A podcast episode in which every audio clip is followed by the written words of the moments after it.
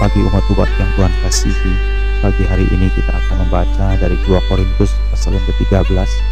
2 Korintus pasal yang ke-13 kita akan masuk membaca ayat yang pertama sampai ayat yang keempat. 2 Korintus pasal yang ke-13 ayat yang pertama sampai ayat yang keempat. Mari kita akan baca demikianlah firman Tuhan. Ini adalah untuk ketiga kalinya aku datang kepada kamu baru dengan keterangan dua atau tiga orang saksi suatu perkara sah kepada mereka yang di masa lampau berbuat dosa dan kepada semua orang lain telah kukatakan terlebih dahulu dan aku akan mengatakannya sekali lagi. sekarang pada waktu aku berjauhan dan kamu tepat seperti pada waktu kedatanganku kedua kalinya bahwa aku tidak akan menyayangkan mereka pada waktu aku datang lagi karena kamu ingin suatu bukti bahwa Kristus berkata-kata dengan perantaran aku dan ia tidak lemah terhadap kamu, melainkan berkuasa di tengah-tengah kamu. Karena sekalipun ia telah disalibkan oleh karena kelemahan, namun ia hidup karena kuasa Allah. Memang kami adalah lemah dalam dia, tetapi kami akan hidup bersama-sama dengan dia untuk kamu karena kuasa Allah. Umat-umat yang Tuhan kasihi, Paulus benar-benar sangat khawatir sekali apabila orang Korintus sudah mendengarkan firman Tuhan tetapi hidup mereka tidak berubah. Ini kekhawatirannya.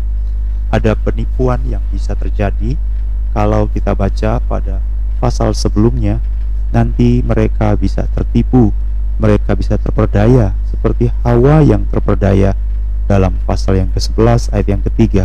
Aku takut kalau-kalau pikiran kamu disesatkan dari kesetiaan kamu yang sejati kepada Kristus, sama seperti kepada Hawa, diperdaya oleh ular dengan kelicikannya. Jadi Paulus begitu takut dan khawatir, sehingga berulang kali dia sudah memberikan surat, menyampaikan firman Tuhan, kok belum berubah-berubah ya. Kemarin kita membicarakannya bahwa jemaat yang tidak berubah itu sebenarnya adalah suatu poin yang rendah bagi hamba Tuhan. Hamba Tuhan itu harusnya betul-betul semakin merendahkan diri. Kenapa jemaat ini tidak berubah-berubah?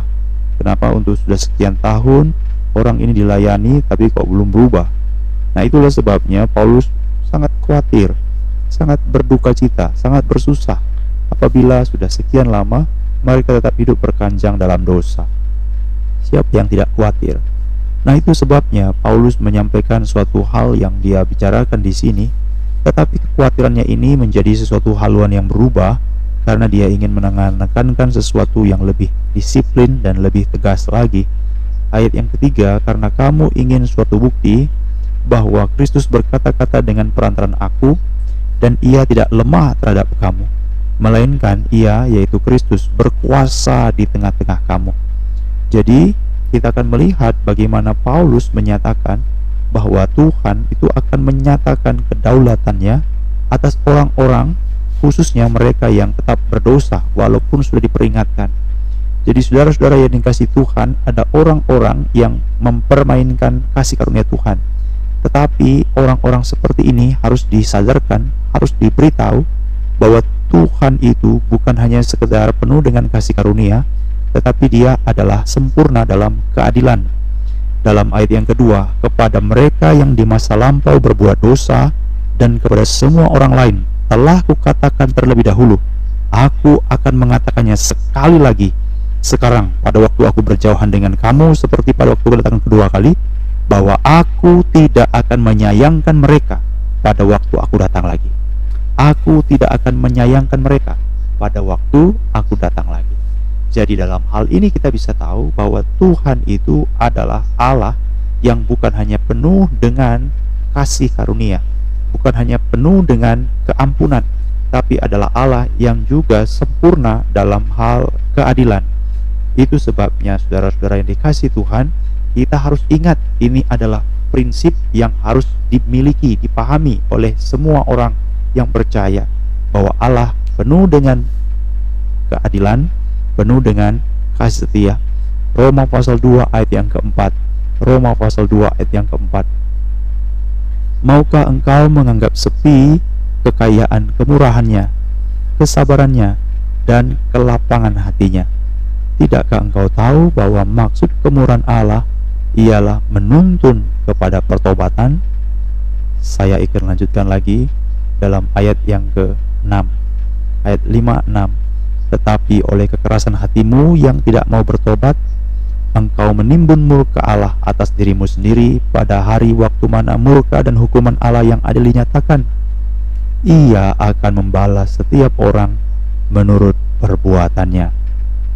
Ayat yang ke-11 Sebab Allah tidak memandang bulu Sebab Allah tidak memandang bulu Jadi saudara-saudara Perhatikanlah Perhatikanlah Bukan hanya kemurahannya Tetapi juga adalah kekerasannya Saudara-saudara yang dikasih Tuhan Marilah kita memahami bahwa Allah kita adalah Allah yang penuh dengan belas kasih, penuh dengan pengampunan, tetapi Ia juga sempurna dalam hal keadilan. Dia sempurna dalam hal keadilan. Itulah sebabnya kita harus mengerti apa yang menjadi concern perjuangan kita, perjuangan yang sungguh-sungguh. Roma pasal 11 ayat yang ke-22. Sebab itu perhatikanlah kemurahan Allah dan juga kekerasannya. Roma pasal 11 ayat yang ke-22. Nah, menarik sekali bahwa kalau kita membicarakan tentang pengampunan Tuhan, kita juga tidak boleh mengabaikan keadilan Allah. Jadi begitu banyak orang membicarakan Tuhan itu baik, Tuhan itu baik, Tuhan itu baik, tetapi dia mengabaikan Tuhan itu juga adalah Allah yang adil, penuh dengan sesuatu hal yang belas kasih tetapi sempurna dalam hal keadilannya. Itulah yang disebut dengan kedaulatan Allah. Kita sudah baca dua ayat pada pasal 2 dan pada pasal 11 kitab Roma. Jadi saudara-saudara yang dikasih Tuhan, marilah kita ingat Hal berikut yang harus kita renungkan pada pagi hari ini. Pada waktu kita membicarakan tentang keadilan dan kasih karunia Tuhan, ini bukanlah sesuatu yang diumbar atau sesuatu yang dilaksanakan tanpa alasan dalam ayat 1, Paulus menceritakan bahwa ada prinsip yang disebut dengan dua atau tiga orang saksi.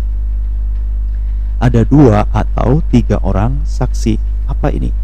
Ini adalah untuk ketiga kalinya aku datang. Pasal 13.1 Ini untuk ketiga kalinya aku datang kepada kamu.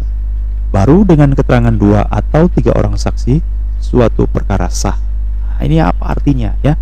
Mari kita pikirkan, ini hal yang sangat indah sekali saudara-saudara.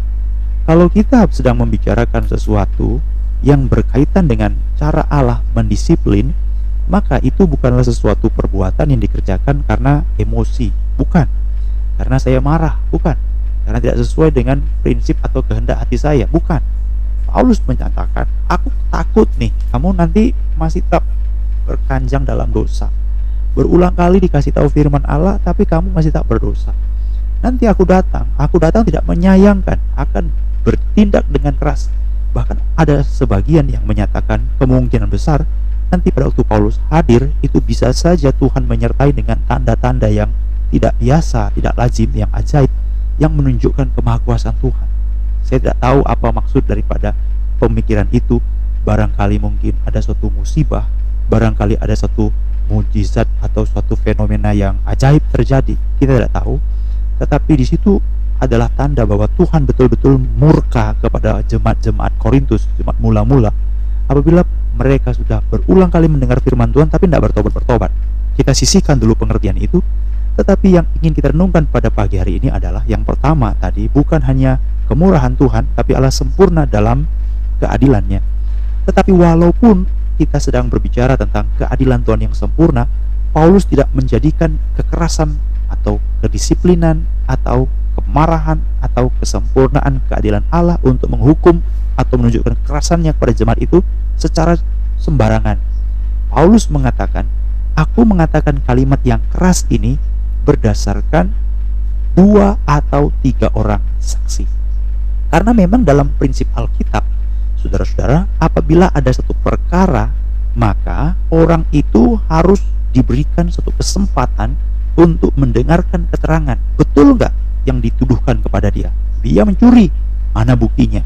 Maka dia diberikan kesempatan ada dua atau tiga orang saksi untuk mem membuktikan bahwa dia mencuri.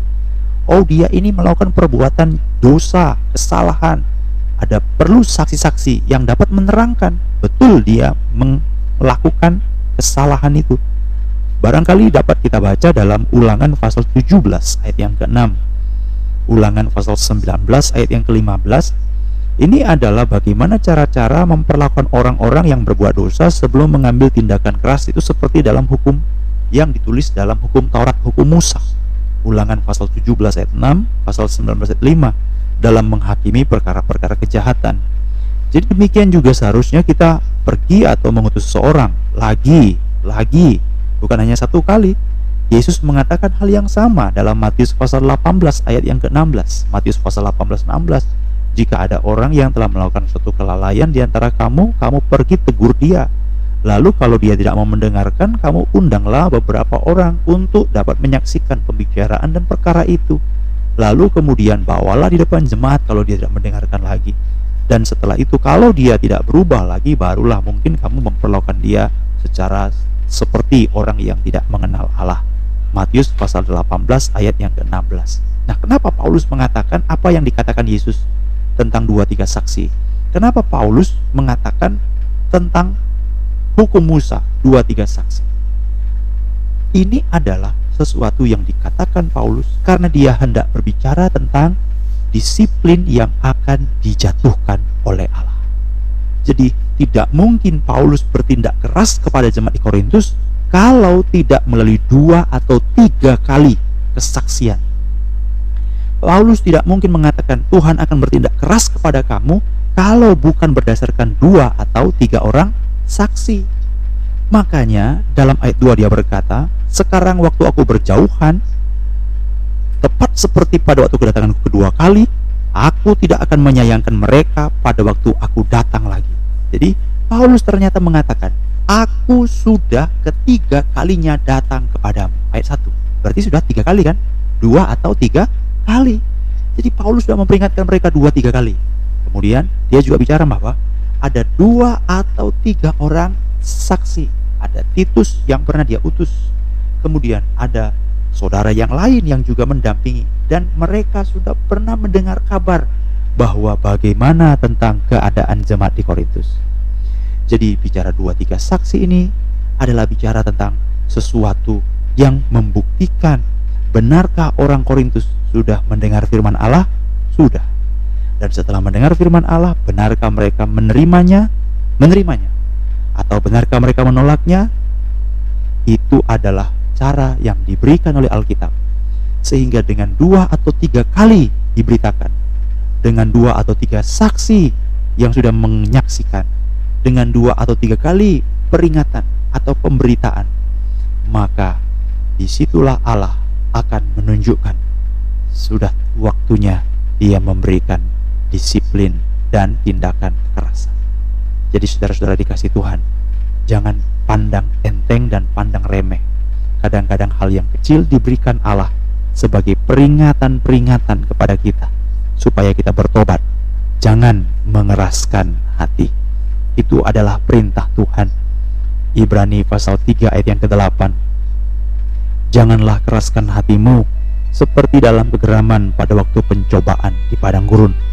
Ibrani pasal 3:15.